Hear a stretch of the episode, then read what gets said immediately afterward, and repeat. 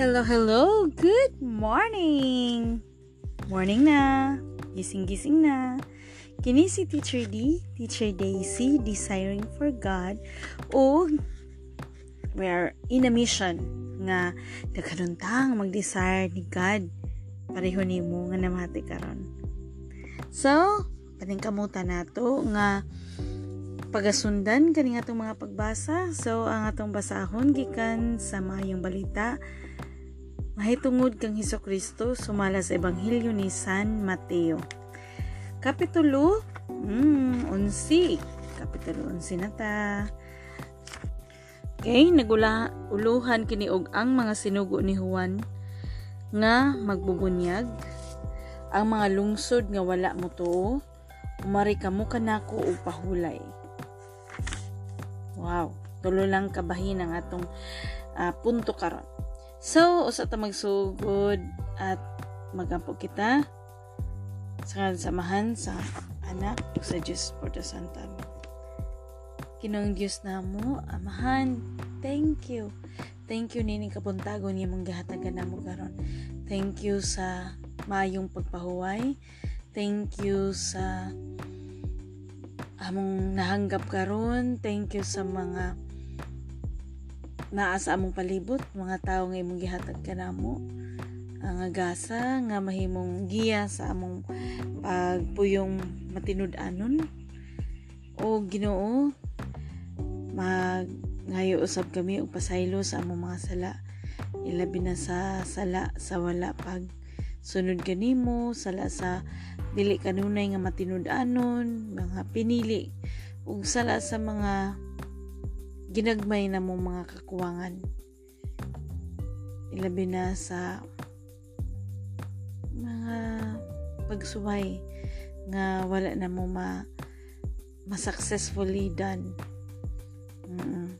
So, Ginoo, magampo usab kami sa kaning namati karon nga ma-bless ang iyang life, ma-bless ang iyang kinabuhi, inubanan niya ning mga pagbasa nga pareho kami makakaton diha sa imong pulong.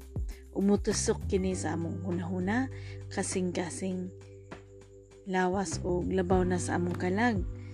Isip amo kining kinahalan kini namo andamon.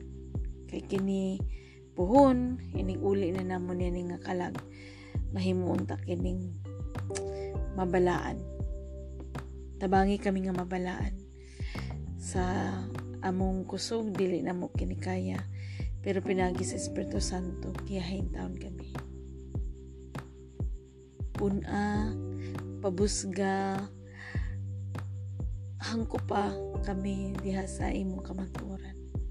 O amo sabihan po ang COVID pandemic pan intention nga hinapon ta ngang mga maswab test karon man unta ug ang mga nagpositibo mahimunta silang maligoon diha kanimo pagsalig sa kanang panahon kinahanglan sila ma-isolate.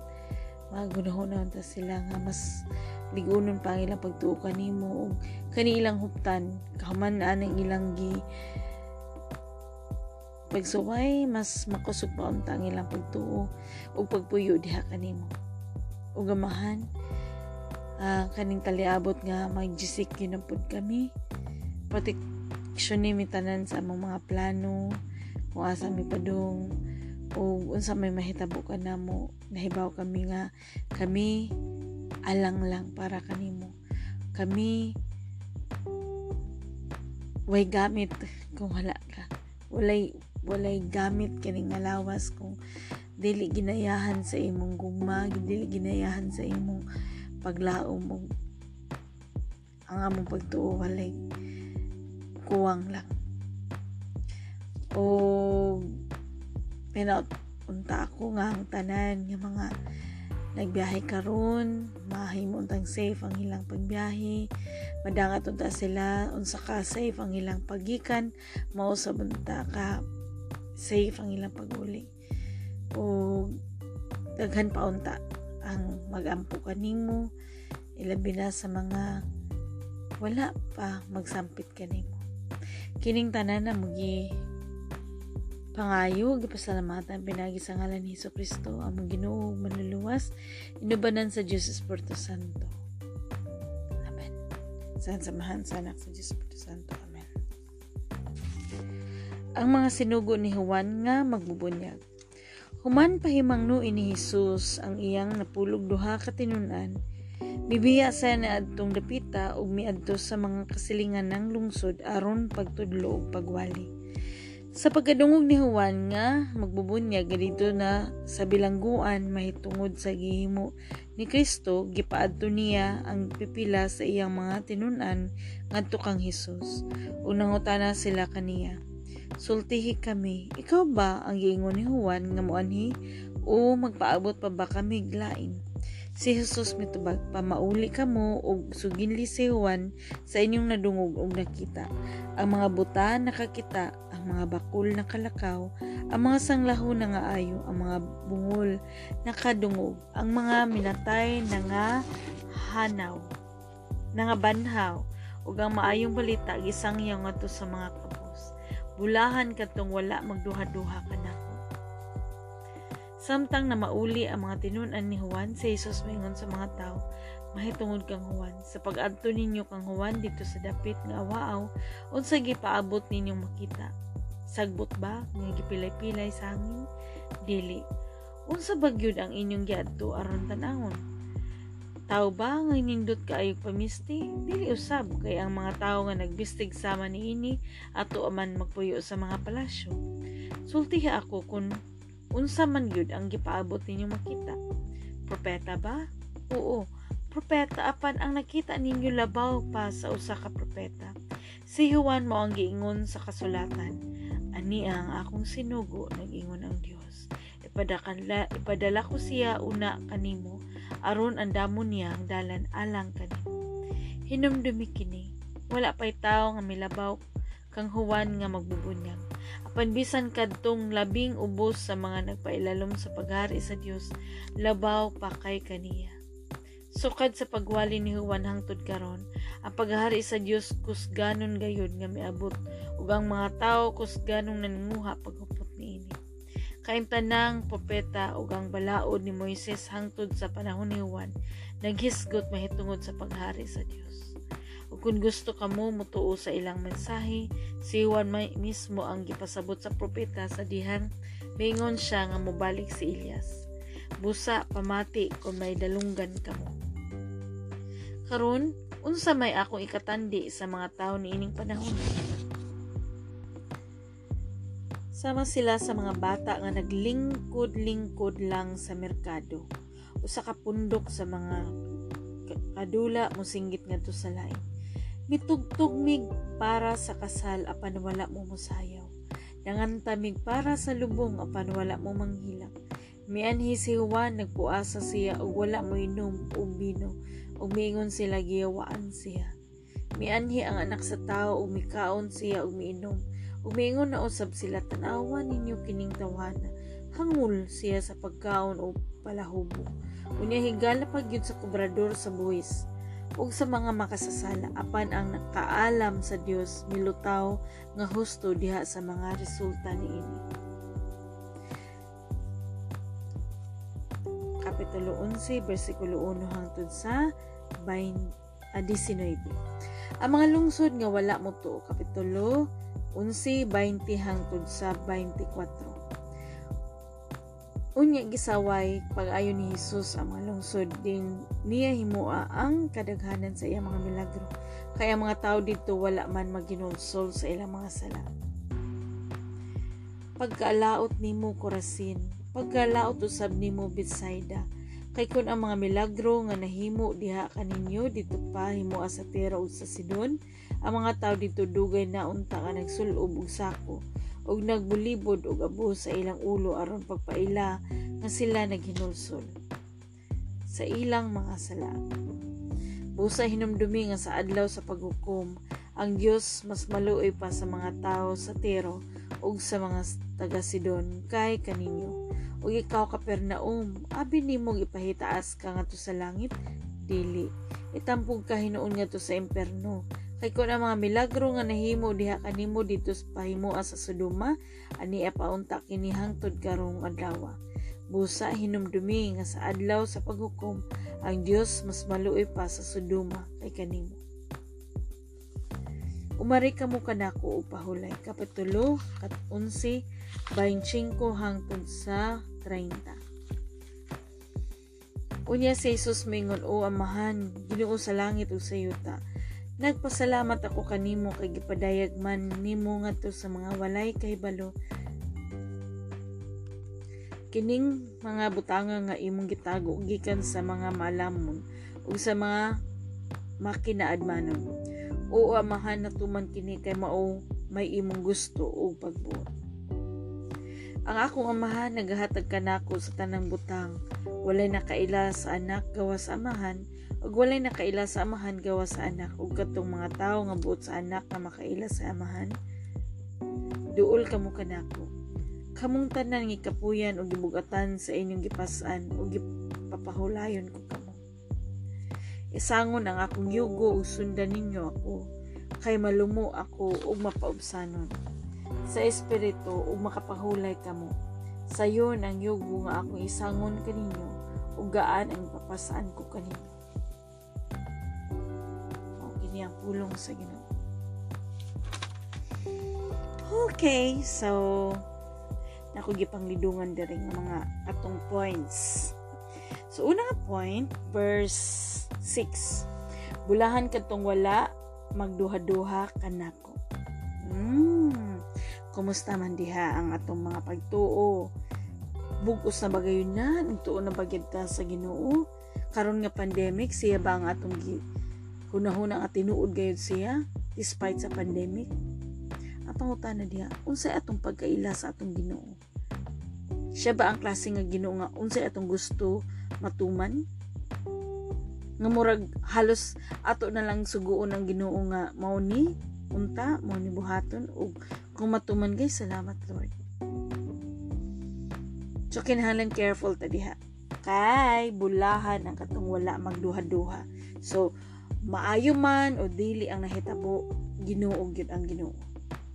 Kaning tanan nga nahitabo karon siya may nagbuot niini kay di mapwede nga ang tao mas labaw pa sa Ginoo diba I would not accept that pod. So God allowed it kay na ay purpose niya ning tanan. Ikaduha nga verse mo ning si Juan mao ang giingon sa kasulatan niya kung gisugo nagingon ang Dios ipadala ko siya una kaninyo kanimo aron andamon niya ang dalan alang kanimo. Murag gi-reiterate ni siya nga kuan na parts of kana ni propeta Isayas nga si Hesus Kristo gi-design na gyud ni Juan si Juan mao mo andam yan nindot siya nga part kani bitong kuan katubitong hinumdumi kini wala pay tawo nga milabaw kang huwan nga magbubunyag pero kani nga apan bisan kadtong labing ubos nga nagpailalom nagpailalom sa paghari sa Dios labaw pa kay kaniya niya mo siya og nakabutang dinhi nga si Juan comparison siya ni Elias nga si Juan ang physical being ni Elias ngayong balik. Ni Propeta Elias sa Old Testament. Sa Old Testament, kani si Elias mao ni ang hinsaka nga sa langit nga tuan gida sa chariot. Mm. Mao po ni si Elias ang nakapapikas og kanang kuan suba mm na sa Old Testament. Sige lang pohon mo agiratan yana. Um, tapos nga nita sa ika tulo. Busa hinumdumi 22. Busa hinumdumi nga sa adlaw sa paghukom ang Dios mas maluoy pa sa mga ta gaktero ug sa taga Sidon kay kaninyo. So kinsa man ni ang kanang dapat uh, mas maluoy pa ang Ginoo. Kung kita no wala maghinulsol. O sa atong mga sala. So dapat atong hinulsulan gayud ang atong mga sala. Hinulsulan para di ta hipang himaruoton sa Ginoo pagkalaot ninyo. Diba, Mura ba siya og sa pagkaon na kay alaga ning imong gipakaon? Iwa ka na. Unya, lain na namang mga hayop may mukaon. Siyempre, kinsa may mabos mabulahan niya to. No? Then nga rin sa 24 busa hinumdumi nga sa adlaw sa paghukom ang Dios mas maluoy pa sa Sodoma kay kanimo. Kay kanimo. My God. Particular kay kanimo kay kanako. So, hinulsol, hinulsol, hinulsol. Gunita nato ang atong pagtuo, atong ipataas ang Ginoo, atong huktan ang iyang mga pasalig diri kanato. Tapos sunod nga verse ikalima. Oo, amahan mat natuman kini kay maumay imong gusto ug pagbuot. So tanan nga mga paghitabo na hitabo tungod kay gusto sa amahan gusto niya. Magbuot itas tag-iya. Ikaw daw. Ikaw tag-iya tapos na magbuot ng bisan si kinsa lang. We are so easy to to judge others. We are so easy to excuse ourselves kung kita na nakasayo. Mo na nga mo ni siya rason nga nung naay tayong mission, Bible mission para mas mas mag-guided ta sa atong pagtuo. Duol kamo kanako nasa 28 kamong tanan nga kapuyan og gibugatan sa inyong gipasan og papahulayon ko kamo. Hmm, papahulayon. Duol. Duol lang ta. Kahit pag let us not uh, no be dependent on our own understanding. Kay kisyo mo na, mo ni. Hmm. Basta, liun tas ginoo siya lang gyud atong sangpitong siya lay atong dalangpan Marita sa 30 sayon ang yugo nga akong isangon kaninyo o gaan ang ipapasaan ko kaninyo. O gaan sayon. So kung dili na sayon, besh, basin dili na, na sa ginuugikan.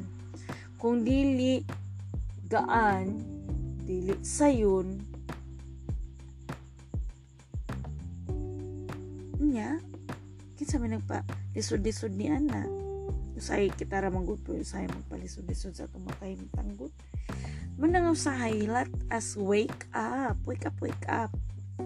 Today is another day. Wake up na. Mata na ta kinahanglan magmatata sa atong pagtuo tunan na to ni ay tapag kuan yung pa ay tapag so kung asa man ka karon manghinaot ko nga naintindihan ni mo atong basa So, magampo kita, amahan na mo nga naa sa langit, wala ano nang imong ngalan. Maghari ka ka na mo utumanon ang imong pagbuti ni sayuta sa mga gituman kini dito sa langit. Ihatag ka na mo ang pagkaon. Nga among gikinahanglan karong adlaw ug pasaylo kami sa among mga sala sa mga kami nagpasaylo sa mga nakasala kanamo. Ayaw kami itugyan sa mga pagsulay luwasay noon kami gikan sa dautan kay imo ang gingarian ang gahumugang himaya hangtod sa kanturan. Amen. Maghimaya ka Maria, napuno ka sa grasyang Ginoong Dios muna kanimo. Lani ko sa mabait na ng sa mga buwas dyan mga sa Jesus. Santa Maria, nagka sa Diyos, kaya po kami masasala. Karunig sa oras ang magkamatayan. Maghimaya ka Maria, napuno ko sa mahimaya samahan sa anak sa Diyos Spirit Santo. May sa sinugdan kung sa gihapon sa mga katuigan mula katapusan nga tanan amen. Og ato ning isabat follow after me. Kay ako anak sa Dios amahan. Pinagi kang Hesus Kristo akong Ginoo manluluwas inubanan sa Dios Espiritu Santo ako mahigugmao ako may pagtuo ako may paglaom ako mapasayloon ako magmapasalamaton, ako magmanggihatagon, ako responsable sa istorya, ako magmatumanon sa sugo, ug ako magmadayigon. Og kini among gipasalamatan ug pangay pinagi ni Kristo ang Ginoo amen. Sa samahan sa anak sa Espiritu Santo amen. And that would be the end. Um, dito na lang kutob. Thank you. Thank you sa pagpamati short lang atong kwano 20 minutes ang kagahapon. Mga 30 kapin. So thank you thank you thank you. Padayon lang ha? Ayo pagbuhi. Daghan pata daghan patag journey. O ayun lang diha nimo nga ikaw lang nag namatian karon. Ah i-invite po lang lain para para nimo pareho nimo nakakaton sila pud makakaton so mas maayo pud nga ni og ikaw gyud personal. Mag journey magbasa magkaton diba and that would be all. Kini si teacher D teacher Daisy desiring for God and the desired pod nga daghan ang mag-desire ni God. Bye bye god bless